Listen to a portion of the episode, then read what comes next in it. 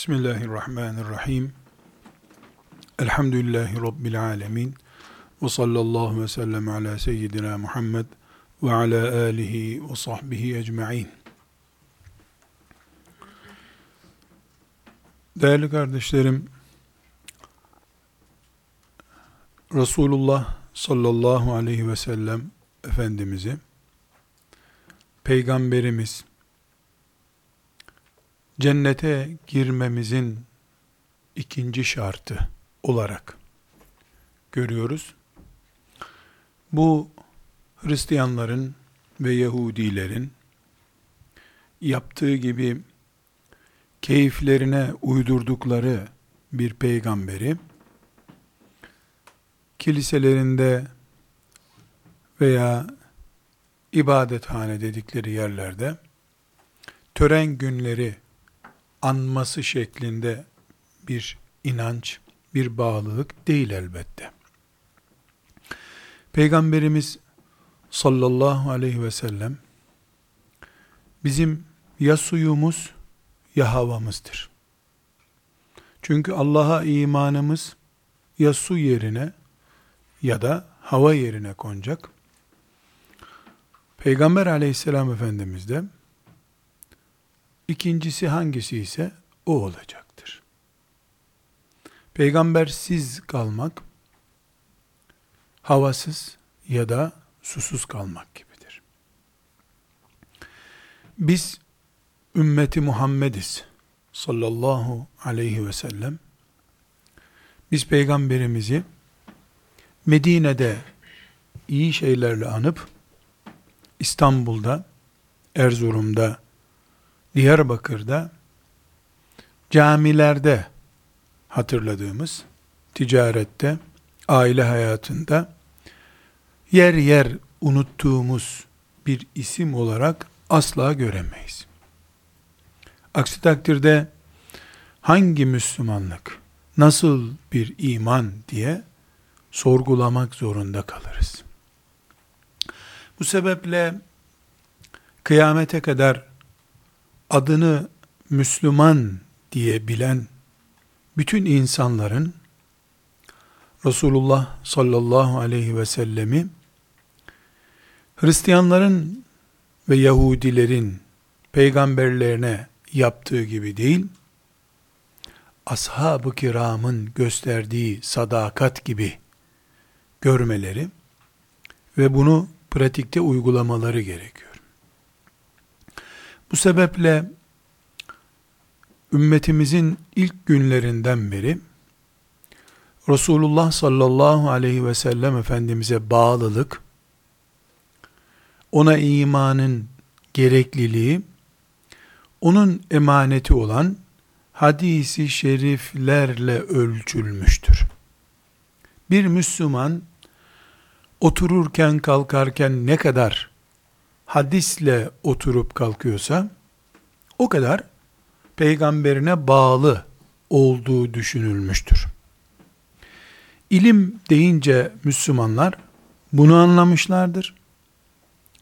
Adamlık deyince de bunu anlamışlardır. Ashab-ı kiramın Allah onlardan razı olsun en güzel örnek diye bilinmelerinin nedeni de budur. Kendilerini Peygamber aleyhisselamın önüne koymuşlar. Onu şablon kabul etmişler. O şablona uydurmaya çalışmışlardır kendilerini. İleriki dönemde, derslerin ileriki kısımlarında sık sık örnekler göreceğiz. Resulullah sallallahu aleyhi ve sellem Efendimiz'e sadakatları neredeyse aldıkları nefesi bile onun aldığı nefese kıyas edecek hale gelmiştir. Hatta insanın diline pek gelmesi uygun değil ama neredeyse ashab-ı kiram hani bizim standartlarımıza e, ölçüldüğünde söylenecek bir söz bu. Neredeyse abartmışlar diyeceğiz. Abartmışlar denecek kadar Peygamber aleyhisselama kendilerini bağlamışlardır. Gitgide asırlar mesafeyi büyüttükçe maalesef bu heyecan, bu hararette azalma olmuştur. Bunun böyle olacağını da sevgili Peygamber aleyhisselam Efendimiz biliyordu. Allah bildirmişti. Bu bir tür onun mirasının gitgide ikinci plana itilmesi, biraz önce söylediğimiz gibi camilere, medreselere mahkum edilmesi veya insanların zevklerinden artan kısmıyla Resulullah sallallahu aleyhi ve selleme bağlanmaları gibi bir durum ortaya çıktı. Bunu biliyordu, haber verdi. Çünkü diyor ki, kim sünnetimin unutulmaya yüz tuttuğu bir zamanda bir sünnetimi ihya ederse ona şu kadar sevap vardır diye başlayan hadis-i şerifler var. Bu hadislerden bir tanesinde şehit sevabı vaat ediyor.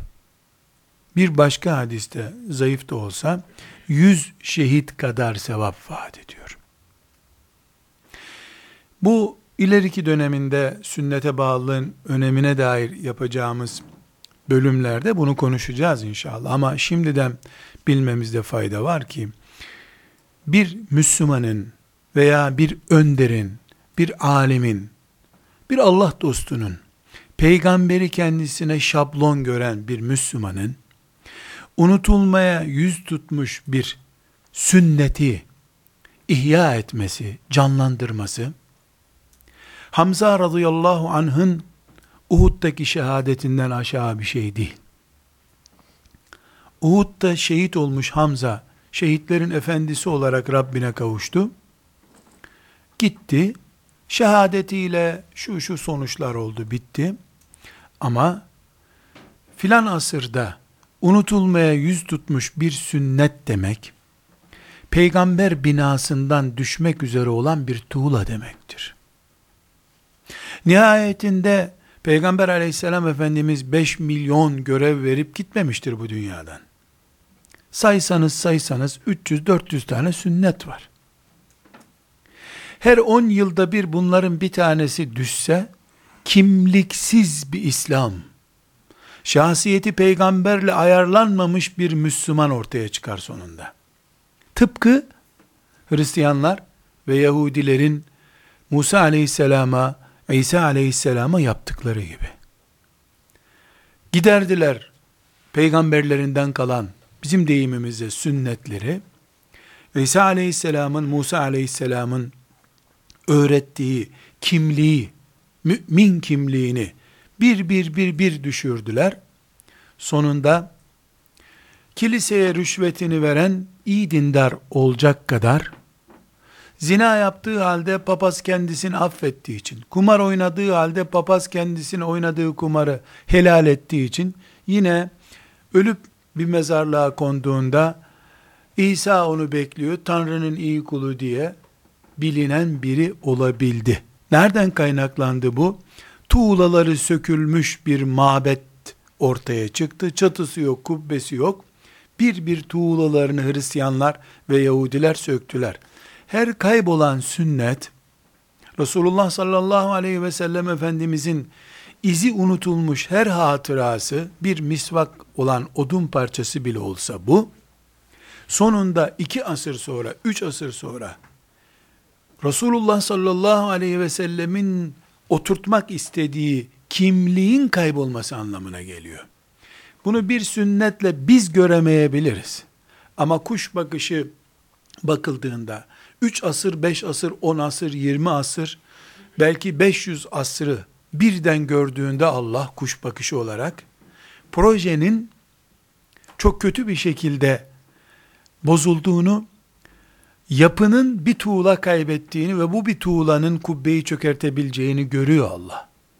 Bunun içinde bir sünnetin unutulması, bir sünnetin kaybolmasını biz farz değil vacip değil diye yorumlarken Resulullah sallallahu aleyhi ve sellem Efendimiz bir şehit, yüz şehitle ancak bedeli ödenebilecek kadar ciddi bir iş görmektedir. Bu sebeple bütün asırlarda samimi çalışan, gayesi grubunu, tarikatını, cemaatini, kliğini hiya etmek değil, Resulullah'ı canlandırmak olan bütün alimler, davetçiler sünnetle yola çıkmışlardır. Sünnetle yola çıkan bütün alimler de diğer alimlerden fazla tepki görmüşlerdir. Çünkü yaraya bizzat müdahale etmek istemişlerdir. Bir tarikatı, bir grubu, bir anlayışı, bir cemaati canlandıranlar ise o tepkiyi görmemişlerdir. Çünkü onlar hastayı klimalı bir odaya koyup ilaç vererek tedavi etmeyi denemişlerdir. Hak batıl açısından değerlendirmiyorum bunu. Ama sünnete direkt müdahale edenler, bir sakal konusunu ele alanlar, misvak konusunda yoğunluk koyanlar, bu yaptıkları işle bizzat kanayan yaraya hemen cerrahi müdahale yaptıkları için ne yapıyorsun aşırı gidiyorsun ithamıyla muhatap olmuşlardır. Ahmet bin Hanbel bunlardan bir tanesidir. Filan sahabi çok şiddetliymiş dediğinizde Ebu Zer ismi ne kadar hatıralarda kalıyor. Siyasi bir kimliği yok, yöneticilik yapmamış ama Ebu Zer'i bütün Müslümanlar biliyor. Huzeyfe'yi bütün Müslümanlar biliyor. Çok kısa zamanda vefat etmiş. Çok uzun Müslüman yaşamamış. Çok uzun Peygamber aleyhisselamdan sonra yaşamamış olduğu halde Huzeyfe deyince bütün Müslümanlar biliyor. Çünkü sünnettir yakisi. Hep cerrahi müdahale yapmış. Çıban gördüğü yere parmağını basmış hemen. Parmağını basınca da en çok dikkat çeken olmuş. Ahmet bin Hanbel'den Ahmet Faruk Es-Serhendi yani İmam Rabbani'ye varıncaya kadar hangi alim bizzat sünneti önüne koyarak çalışma e, metodu az ayarladıysa kendisi için en çok dikkati o çekmiştir. En büyük yardımı da Allah'tan o görmüştür. Çok ciddi sonuçlar elde etmiştir ama ciddi ithamlara da uğramıştır. Çünkü şeytanın gaflet enjektesine karşı en ciddi yatırımı, en ciddi tedaviyi, pansumanı onlar yapmışlardır, yapmak istemişlerdir. Allah hepsinden razı olsun. Dinimize sünnetinden, fıkhından, tarikatından vesairesine kadar nerede kim hizmet ettiyse Allah ondan razı olsun. Ölenlerine rahmet eylesin. Yaşayanlarına da nusret eylesin. Şimdi kardeşler bütün asırlarda sünnet bu perspektiften bakıldığında din demektir. Ümmet çöktüyse sünneti kaybettiği için çökmüştür. Ya da sünneti bir köşesinden tutup öbür köşesini ihmal etmiştir. Teheccüde kalkmayı Müslümanlığın en büyük şartı olarak görmüştür. Cihat edip dini aziz kılmayı unutmuştur. Dengede olmak ise en büyük sünnetti zaten. O teheccüde sabaha kadar kalkmayı en büyük görev bilen, bunu müritlerine, ihvanına şiddetli bir şekilde aşılayan, teheccüde kalkmayanla protesto edip görüşmeyecek kadar teheccüdü önemseyen birinin, teheccüd namazını sabaha kadar kılanı protesto ettiğini, Resulullah sallallahu aleyhi ve sellemin sen sabaha kadar namaz kılacağım diyorsun ama benden değilsin uzak dur dediğini unutuyor. Çünkü sünnet teheccüd namazı kılmaktır. Sabahleyin cihad etmektir. Kur'an okumaktır. Anaya babaya iyi davranmaktır. Eşinle iyi geçinmektir. Çocuk yetiştirmektir. Ve bunların hepsini dengede yapmaktır sünnet. Fettekullaha mestata'tumdur sünnet. Herkes kapasitesi kadar, kudreti kadar Allah'tan korkacak, kulluğunu bu şekilde yapacak. Bu sebeple bütün asırlarda sünneti orijinal şekliyle Resulullah sallallahu aleyhi ve sellem Efendimizin emanet ettiği şekilde yaşamak, yani bir sünneti alıp öbürünü ihmal etmeden bütün sünnetleri dengede tutarak uygulayabilmek sünneti her asırda en önemli cihat konusu olmuştur. En önemli ibadet olmuştur. Asrımızda gelişen teknoloji, küfrün münafıklaşması sonucu alenen savaşma yerine Müslümanların iç dinamizmini bozacak çalışmalara yönlenmesi, yani Haçlı ordularının yerine internet ordularını salmış olması, Müslüman nesillerin şehvetler başta olmak üzere tarumar oldukları bir her cümerç içerisinde, alabora olmuşluk içerisinde bulundukları bu dönemde kardeşler, belki de Medine'ye hicret eden ashab-ı kiramdan neredeyse daha fazla sünnet dengesine muhtacız. Filan tesbihatı 500 defa yapmak sünnettir. Yeri geldiğinde o tesbihatı bırakıp anneye babaya hizmet etmek, eşinle gidip bir parkta 5 dakika hava almak o sünnetten daha önemli bir sünnettir şuuru bu zamanda kaybolmuştur. Müslümanlar iki türlü sıkıntıyla karşılaşmışlardır. Birincisi Resulullah sallallahu aleyhi ve sellem Efendimizin ikaz ettiği sünnetin artık depolara kaldırıldığı dönem olması gibi bir afetle karşılaştı Müslümanlar. Bu afetlerin afetiydi şüphesiz. Korkunç bir afet bu. Yok sayıldı. Müslümanlar istihza edecek hale geldiler sünnetle. Çok haya ederek, Müslüman gençler olarak, hanım kızlarımız Müslüman tesettürlü hanımlar olarak onların yanında bu örneği vermekten haya ediyorum. Bunun için de özür diliyorum ama bu yaşadığımız toplumun e, ne halde olduğunu ve sünnetlerin ne hale geldiğini anlamak için başka daha canlı bir örnek şu anda aklıma gelmedi. E, dikkat ediniz kardeşler, bir Müslümana sakal Resulullah'ın en önemli sünnetlerinden birisidir. Çok önemlidir. Hatta bu ümmeti Muhammed'in söz birliğiyle e, farz düzeyinde bir sünnettir. Çok önemlidir. Efendimizin emri çok açıktır. Müşriklere benzemeyin, sakalınızı uzatın. Çok açık. Mazeret olur. Vesaire olur. Tıbbi bir gerekçeden, siyasi bir gerekçeden dolayı Müslüman sakal bırakamaz. Ayrı o. Namazı da kılamayabilir Müslüman. Hacca da gidemeyebilir. Haçtan da önemli değil sakal. Ama kıyamet gününe kadar Muhammedun Resulullah diye iman eden hiçbir mümin karısına sorup sakal bırakmaz. Bir mümin sakal bıraktın eşinden izin aldın mı diye espri bile yapamaz. Hiçbir Müslümanın eşi, karısı, kızı Resulullah'tan değerli değildir sallallahu aleyhi ve sellem. Ama ben çocukluğumdan beri hafızlık yaptığım 5 yaşındaki günlerimde duyardım. Şimdi fetva olarak insanlar soruyorlar, arşivimde duruyor. Müslüman hanımefendi, hoca efendi size bir şey soracağım diye mail gönderiyor. Eşim benden rızamı almadan diye başladı. Rızamı almadan bir daha evlendi gibi zannediyorum ben onu. Rızamı almadan sakal bıraktı. Kesmesi gerekir değil mi diyor. Espri olsun diye değil, bir iman tazelemek gerektiği için siz hangi mezhepsiniz?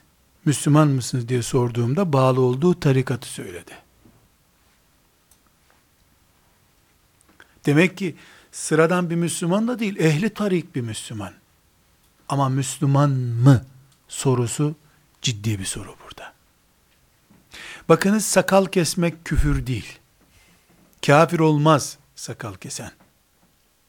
Ama bir Müslüman Resulullah sallallahu aleyhi ve sellemin sünnetini eşine sormayı, çocuğuna sormayı, patronuna sormayı düşünebildiği zaman biz de Müslümanlık nerede diye düşünürüz.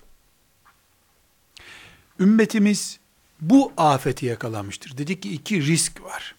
Sünnet açısından.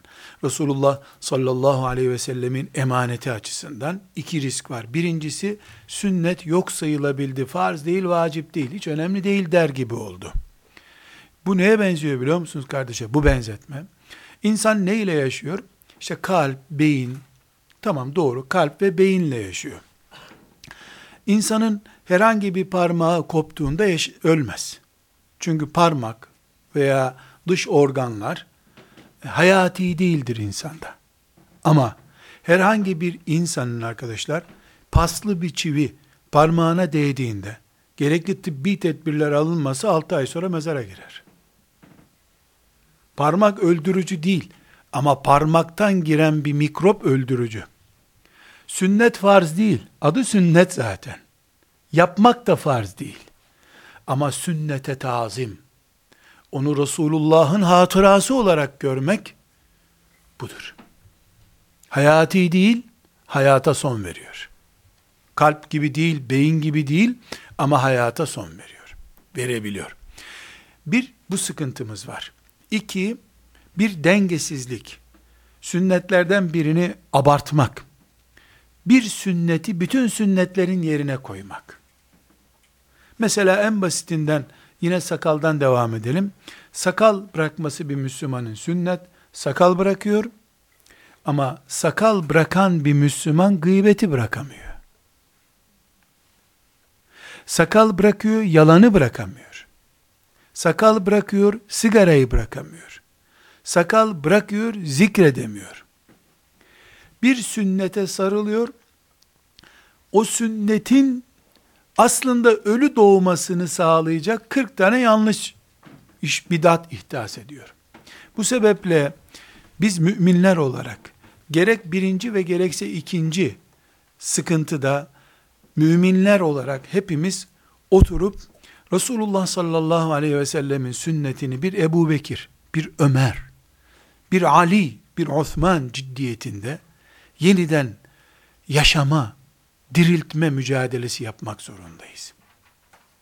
Bu sebeple biz Resulullah sallallahu aleyhi ve sellemin sünnetinin, peygamber kimliğinin bize aktarıldığı cümleler demek olan hadisi şeriflerle diriliş mücadelesine girmek zorundayız. Hadisi şeriflerle dirildiğimiz zaman, hadislerin etrafında toplandığımız zaman, şucu bucu olmaktan kurtuluruz. Resulullahçı olmak da yok bu dünyada zaten. Çünkü müminsin, Müslümansın. Mümin Müslüman olduktan sonra kimseci olmak gerekmiyor bir daha. Hadis-i şeriflerin eksen olmadığı, hangi çatının altında toplanırsak toplanalım bir şeyci olacağız. O şeyci olduktan sonra da orijinal sahabe kıvamında yaşamak mümkün değil. Ya bizi Resulullah toplayacak bütün asırlarda sallallahu aleyhi ve sellem onun hadisi şerifleri bize yön verecek ya da o hadisleri kendine göre alıp yorumlamış AB isimli bir şahıs bizi etrafında toplayacak. CD isimli şahısları da şahıslar da başkalarını toplayınca Müslümanlar fırka fırka olacaklar bu sefer. Bunun için sallallahu aleyhi ve sellem Efendimiz ümmetinde ilerideki derslerde gelecek başlıklardan bunlar. Henüz biz giriş bölümündeyiz. Ümmetinin geleceği döneminde, gelecek dönemlerinde büyük bölünmeler, parçalanmalar, ayrılıklar olacağını haber vermiş bir konuşmasında. Sahabe bize o zaman ne tavsiye edersin ya Resulullah diye bizim adımıza sormuşlar adeta. Onların dönemine ait bir sıkıntı değil bu. Buyurmuş ki size ben ve ashabımın sünnetine sarılmanızı tavsiye ederim. Gruplaşmaya karşı İslam'da birlik konferansları vermenin hiçbir manası yoktur. Şu şekilde birleşelim sözü de vakit israfıdır. Hadis okumak, hadisle yeniden dirilmekten başka bu ümmetin çaresi yoktur. Çünkü çocuklarını diri diri toprağa gömecek, babalarının karılarıyla evlenecek kadar vahşileşmiş insanları bu sünnet, bu hadisler adam yerine koyup Cebrail'le yarıştırdı. Kur'an ve sünnet ölü gibi insanlardan, meleklerden daha değerli insanlar çıkardı. Bugün ümmet şahıslar etrafında toplandığı zaman sadece mevcut sıkıntısına bir sıkıntı daha ilave eder. Ama becerip ashab-ı kiramın toplandığı sünnet ve onların parçalanmış şekli olan hadisi şeriflerle toplandığı zaman ana çatıda toplanmış olur. Oksijen çadırında değil, gökyüzü çadırının altında toplanmış olur. Bu sebeple hadislerle diriliş yapmak istiyoruz. Ümmetimize yeni bir fırka ilave etmek için değil, ümmetimizin fırkalarıyla uğraşmadan peygamberinin himayesine girmek için sallallahu aleyhi ve sellem. İleriki dönemlerde inşallah Ebu Hanife'nin bu projede nerede olduğunu konuştuğumuz zaman ayrıntılarıyla konuşacağız. Enine sonuna kadar. Bütün enlemi boylamıyla da Ebu Hanife'nin talebesiyiz elhamdülillah. Talebesi derken biz kim, talebeliği kim? Hani Ebu Hanife ekolünün izindeyiz.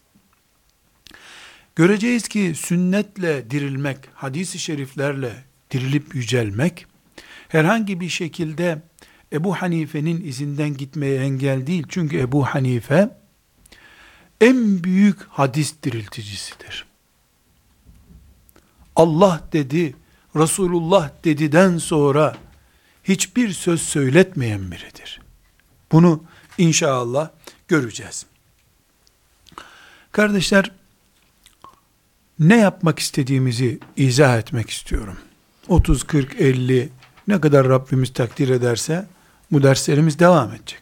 Ama sonunda geleceğimiz nokta, gelmeyi arzu ettiğimiz şey hadislerle dirilmektir. Bir tür öldürülmüş olan Resulullah sallallahu aleyhi ve sellemin sünnetini ayağa kaldırmak, onu ayağa kaldırırken de elimizden tutsun, bizi kaldırsın diye de himmet edip gayret edeceğiz. Bu kardeşinizi nasıl bilmeniz gerektiğini de izah edeyim. Nurettin Yıldız olarak bir hadis alimi değilim. Zaten alim değilim. Hele hadis alim hiç değilim. Evet, Rabbime hamd ederim. Buhari şerif olmak üzere okuduğum derslerden icazetler aldım. Elhamdülillah. Büyük alimlerin dizinin dibinde oturdum. Ama alim kimdir? Muhaddis kimdir? Bunu çok iyi biliyorum. Dolayısıyla kendimi öyle bir makamın yanında durabilecek, üstünde oturacak değil, yanında durabilecek biri olarak görme cüretinde bulunmuyorum. Allah'a sığınıyorum. Buhari'nin liste başı olduğu bir ilim dalında talebe olarak değil, dinleyici olarak bulunmak bile benim için en büyük şereftir. Bir iddiam yoktur. Fakat biraz önce izah ettiğim sıkıntıları ümmetimin üzerinde görüyorum. İlahiyat fakültelerinde hadis diye okutulan dersleri görüyorum. Kendim de gördüm. İnsanların hadisten ne anladıklarını da görüyorum. Çok yakın bir zamanda bir vilayet müftüsü kardeşimize ne var ne yok derken işte imam alıyoruz dedi. 50 tane kadar imam aldık dedi. Ee, onların imtihanından geliyorum dedi. Nasıl imamların durumu dedim. Çok üzgünüm hocam dedi. Nasıl üzgünsünüz dedim. Bir örnek vereyim dedi. İmam efendiler imtihanı kazandılar. İşte memurluk kanununa göre zaten imam seçiliyor. Onlara bir onurlandırma konuşması yapmak için gittim 50 kişi kadar imam, işte ilahiyat mezunu, imam hatip mezunu neyse ve imtihan kazanmışlar. Müftü Bey önlerine geçmiş. Gençler demiş, e, İhya-i Ulumuddin hangi konuyu anlatan bir kitaptır demiş. 930 senedir İhya Ulumuddin'i okuyor bu ümmet. Gazali'nin ilimleri canlandıran, ümmeti ayağa kaldıran kitabı. Rahmetullahi aleyh. Ben Müftü Bey'in sözünü naklediyorum. El kaldırıp cevap veren olmadı. Dedim ki İhya çok ağır bir kitap. Bir kısmı tasavvuf sempatisi olmayan kimsedir herhalde. Hoca efendiler, Riyazus Salihini tanıyan ve bilen lütfen anlatsın dedim diyor. Bir kişi parmak kaldırdı, çok sevindim. İlmihal kitabıdır dedi. Bir iki örnek daha verdi. Kayıtlara geçmesini istemiyorum o örneklerin. Müminlerin zevki ve umudu kırılır diye korkuyorum. Riyazu Salihin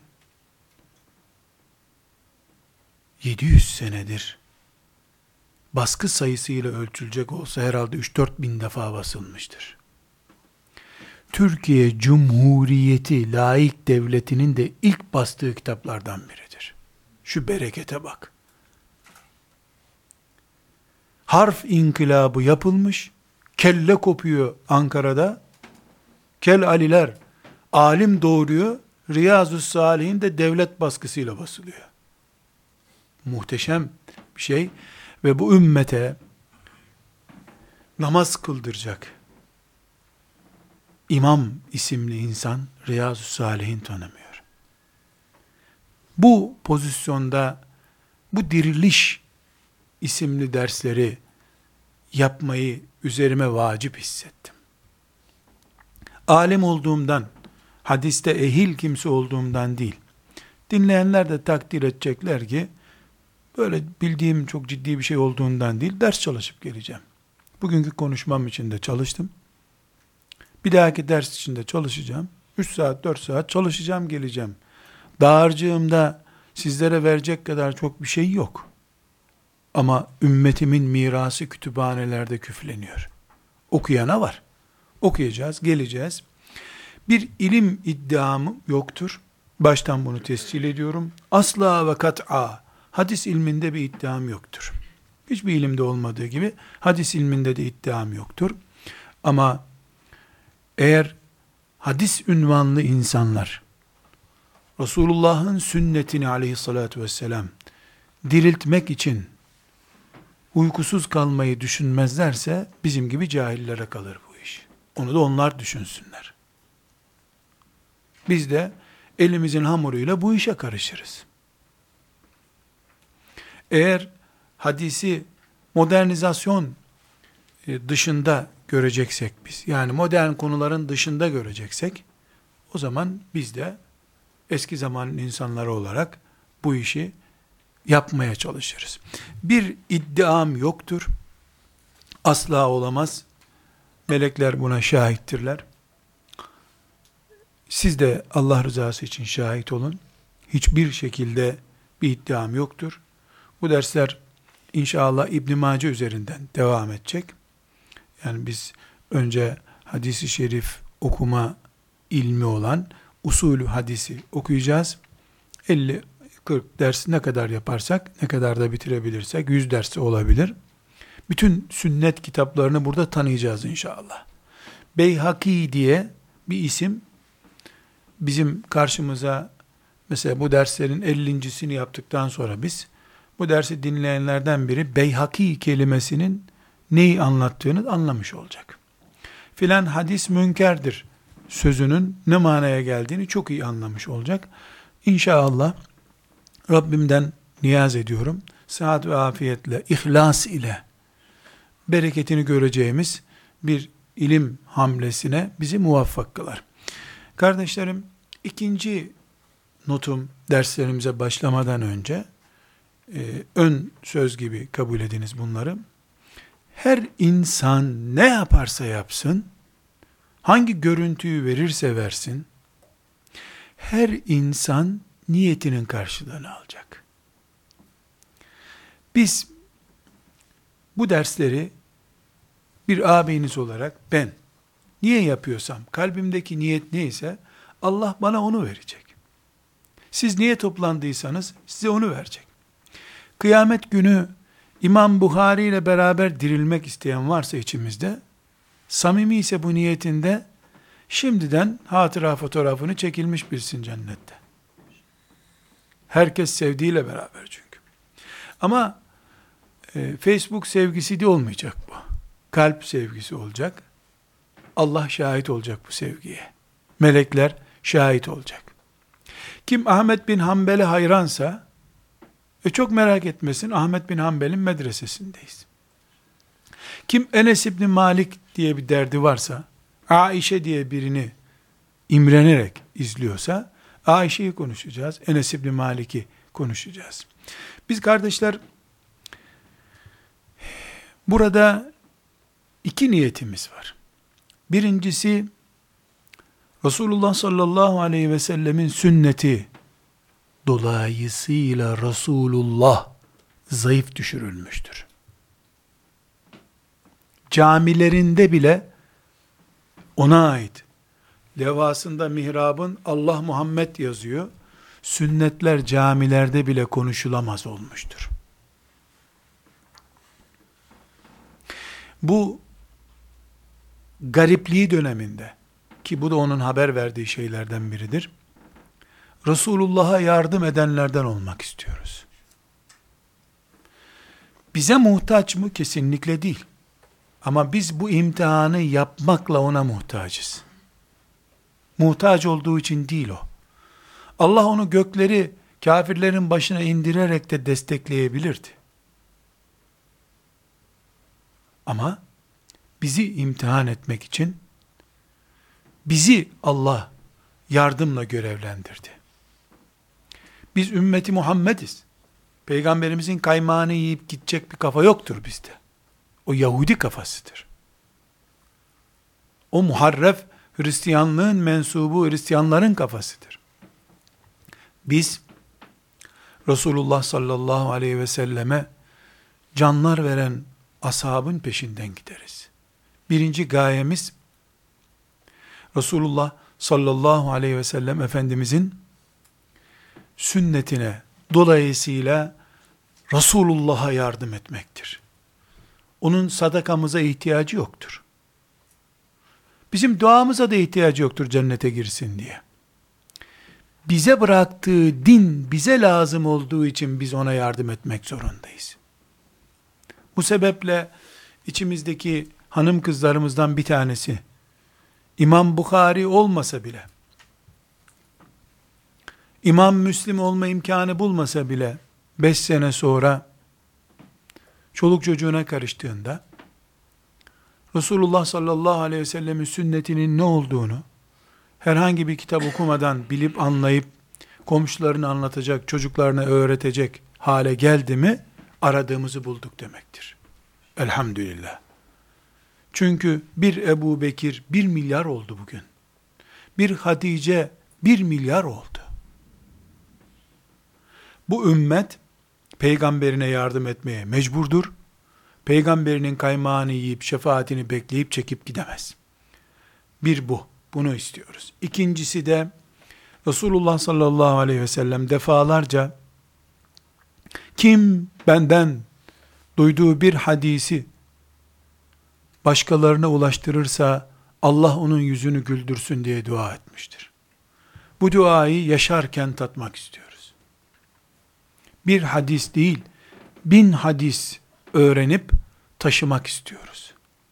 Böylece Resulullah sallallahu aleyhi ve sellemin dünyada iken şefaatini yakalamak istiyoruz. Biz öldükten sonra şefaat et buna ya Resulullah diye kiralık hocaların bağırıp çağırmasındansa, sağlığımızda iken onun bir hadisi şerifini ayağa kaldırır, hadisleri diriltir ve hadislerle diriliriz. Böylece benim bir hadisimi başkalarına ulaştıranın Allah yüzünü güldürsün sözü benim bizim için de geçerli olur. Bu iki şey için yola çıktık. Yani bir dinimizin hizmetinde olmak istiyoruz. Bir de bizim menfaatimiz olan Peygamber aleyhisselamın duasına ulaşmak istiyoruz. Kardeşler üçüncü bir nokta sözlerimin başında da söylediğim gibi küfür artık taktik değiştirdi. Haçlılar 6-7 defa Anadolu topraklarından ve değişik yerlerden e, Mekke'ye kadar ulaşmak istediler. Bu yaşadığımız asırdan önceki asrın başında İslam topraklarını ordularıyla işgal ettiler. Aç ve çıplak, silahsız insanlar, yalın ayak kafirleri topraklarından kovdular. Kafirler baktılar ki, İslam'la ordu, silah kullanarak uğraşmak hem pahalı hem sonuç vermiyor. Çok daha ucuz ve daha müessir bir taktik seçtiler. Müslümanların imanlarını çürütmeyi denediler.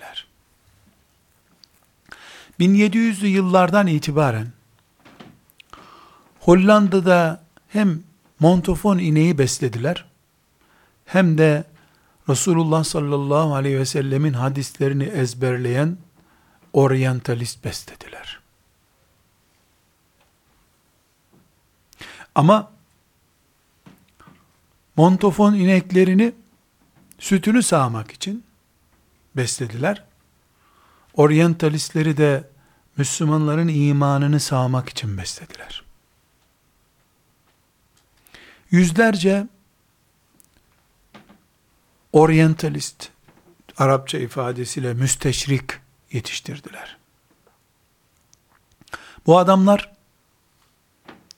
binlerce hadis ezberlediler. Kütüphanelerde gizli bulunan onlarca kitabı radekte edip piyasaya çıkardılar. Neticede hadis bilen gavurlar türedi. Bununla ne o zamanki hilafet, Müslümanların halifesi, ne de cemaatlerden bir cemaat ilgilenme ihtiyacı hissetmedi. Gavurlar okusun okusun dediler. Belki iman ederler dediler. Onlar iman etmedi ama müminlerin çocuklarının imanını çürüttüler. Eğlendiler Müslümanlarla. Bu eğlence bize pahalıya mal oldu. Başta Mısır olmak üzere, sonraları da 1950'lerden sonra da Ankara'da açılan İlahiyat Fakültesinden sonra da Türkiye'de Müslüman, namaz kılan, oruç tutan, belki sakalı olan insanlar Peygamber aleyhisselamı bir ilkokul öğretmeninin yerine koydular. Şu sözü doğru söylemiş olabilir mi? Bu hadis aslında olmamalıydı. Bunu, bu hadisi bir olayın etkisiyle söyledi herhalde diye bir ilkokul öğretmeni gibi Peygamber aleyhisselam efendimizi tenkit ettiler. İlkokul öğretmeni basit olduğundan değil, Hani liseye geçen öğrenci ilkokul öğretmenini takmaz ya bir daha. Onun için bunu örnek veriyorum. Karşımızda Kur'an'a dokunmayan ama hadisi şerifi istediği gibi sakız gibi çiğneyen bir nesil türedi. Sonraları inşallah hadisle böyle niye uğraştıklarını ayrıntılarıyla göreceğiz. Asas dertlerinin Kur'an Müslümanlığı olmadığını, bir zaman sonra da Kur'an'ı da sakız gibi çiğneyeceklerini örnekleriyle anlatacağız inşallah. Ama bu üçüncü paragrafta söylemek istediğimiz şey şudur ki, biz ümmeti Muhammediz. Cihatla mükellefiz. Dinimizi yüceltmek, Allah'ın sözünü son söz yapmak için cihad etmeye mecburuz. Bu cihadımız nasıl olabilir sorusunda Kudüs'ümüzü işgal ettiklerinde mızrakla olur deriz. Evimizi kafir bastığında namusumuzu korumakla olur deriz. İman kaynaklarımızı karıştırdığında ise kaynağımızı koruyarak deriz. Şöyle düşününüz kardeşler. Bir köyün çeşmesi var, çeşmesinde su akıyor ama ta dağın başındaki bir depodan su geliyor. Başka bir köylüler o köye düşmanlık yapmak için gitmişler. Köyün başındaki depodaki suyu zehirlemişler. Ya da çamur bulandırmışlar. Bu köylüler de sularını korumak için çeşmeyi ilaçlıyorlar. Su yukarıdan zehirlenmiş olarak geliyor. Sen çeşmeyi sürekli ilaçlıyorsun. Bizim camilerde çocuklarımıza elif cüzü öğretirken, hoca yetiştiren, müftü yetiştiren, hadis profesörü yetiştirenlerin, Resulullah sallallahu aleyhi ve sellemi arkadaş gibi görüp, ona istedikleri gibi tenkiti yapma hakkını taşıdıklarını zannettikleri bir kafayla gelmeleri buna benziyor. Adam sünneti çürütüyor, Resulullah sallallahu aleyhi ve sellemin hadisi şeriflerini gazete haberi gibi sağa sola atıyor. Paçavra diyor. Böyle muamele yapıyor. Camide sen çocuğa sünnet öğretmeye çalışıyorsun. Hayata atıldığında ilk e, alimle karşılaştığında aklına gelecek ilk şey ya bu peygamber masalı mıydı diyecek. Bu sebeple bu zamanın cihadı artık ilimle yapılıyor. Bu zamanda zehirledikleri su sünnet suyudur.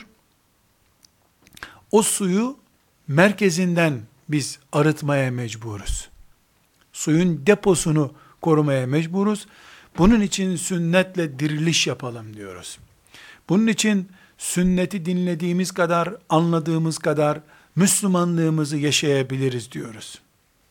Aksi takdirde her sünnet için bir enstitü kurman lazım. Her hadis için onlarca seminer vermen lazım.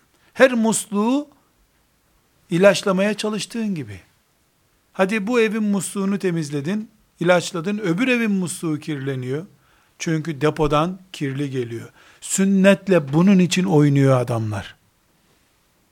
Bunun için hemen mikrofonu ele aldıklarında hadisleri Ebu Hureyre'yi Enes İbni Malik'i itham ediyorlar. Bunun için haya etmeden anası olduğu halde Ayşe anlamaz bu hadisten diyor. 1400 sene sonra layık bir okulda okuduğu üç satır yazıyla o anlıyor. Resulullah'ın kucağında oturup hadis öğrenen Ayşe anlamıyor.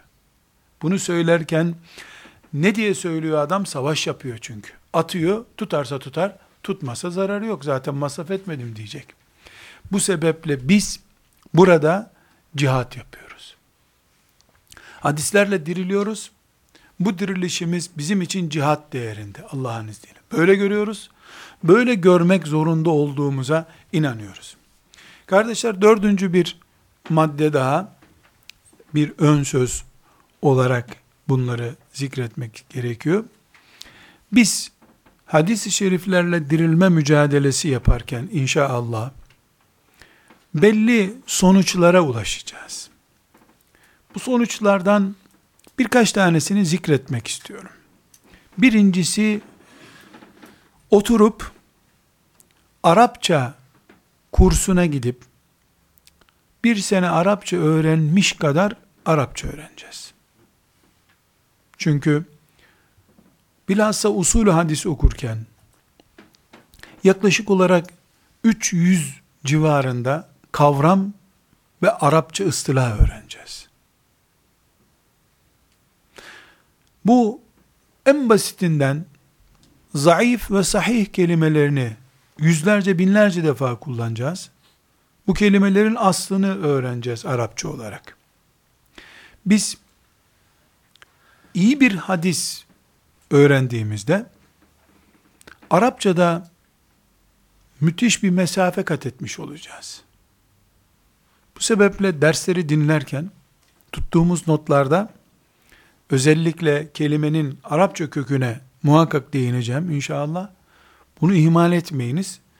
Mini bir Arapça stoğu yapmış olursunuz. Hadis okurken de zaten Arapça öğrenmiş olacağız. İkinci olarak kardeşler, hafız olanımız veya olmayanımız. Kur'an-ı Kerim'in altyapısını öğrenmiş olacak. Çünkü hadisi şerifler, Kur'an'ın insan düzeyinde açıklanmış şeklidir. Usul hadis öğrenirken, hadisi şerif ilmine dalarken, bu nimetle de karşılaşmış olacağız. Üçüncü olarak kardeşler ki asıl lezzet burada Resulullah sallallahu aleyhi ve sellem Efendimizin yakınlığı, şefaati ve bereketi üzerimizde olacak. Şöyle bir 10-15 ders yaptıktan sonra hadisi şerif dersinden çıkınca kendinizi havuzdan çıkmış gibi hissedeceksiniz. Bu defalarca izlenmiş, görülmüş bir mucizedir. Hadis-i şerif bir lezzettir. O lezzetle meşgul olmak insanı mutlu eder. Dünyada ve ahirette. Biz sünnete ehil olmuşluğumuzu lafla, kimlik kartlarıyla filan beyan edemeyiz. Hadis ilmine verdiğimiz emek, Resulullah sallallahu aleyhi ve sellemin sünnetine gösterdiğimiz ilgi, böyle bir ders halkasında bulunmuş olmamız, ispatı vücuttur. Burada ispat ediyoruz ki biz, Resulullah sallallahu aleyhi ve sellem ile beraberiz. Belki onun bastığı yerleri öpecek seviyede bile değiliz biz.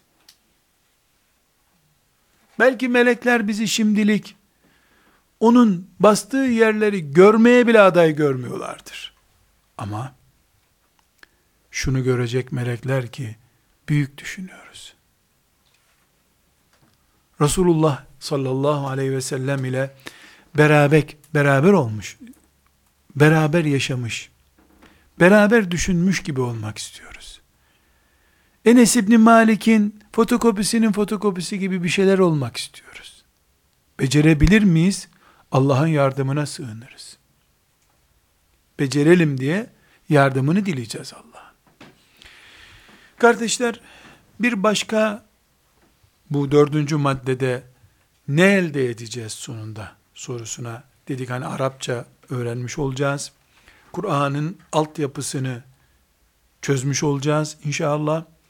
Resulullah sallallahu aleyhi ve selleme bedensel ruh ve göz olarak yaklaşmış olacağız. Bir başka elde edeceğimiz sonuçta inşallah yolundan gittiklerimizi tanımış olacağız. Ahmet bin Hanbel ile aramızda 1200 sene var.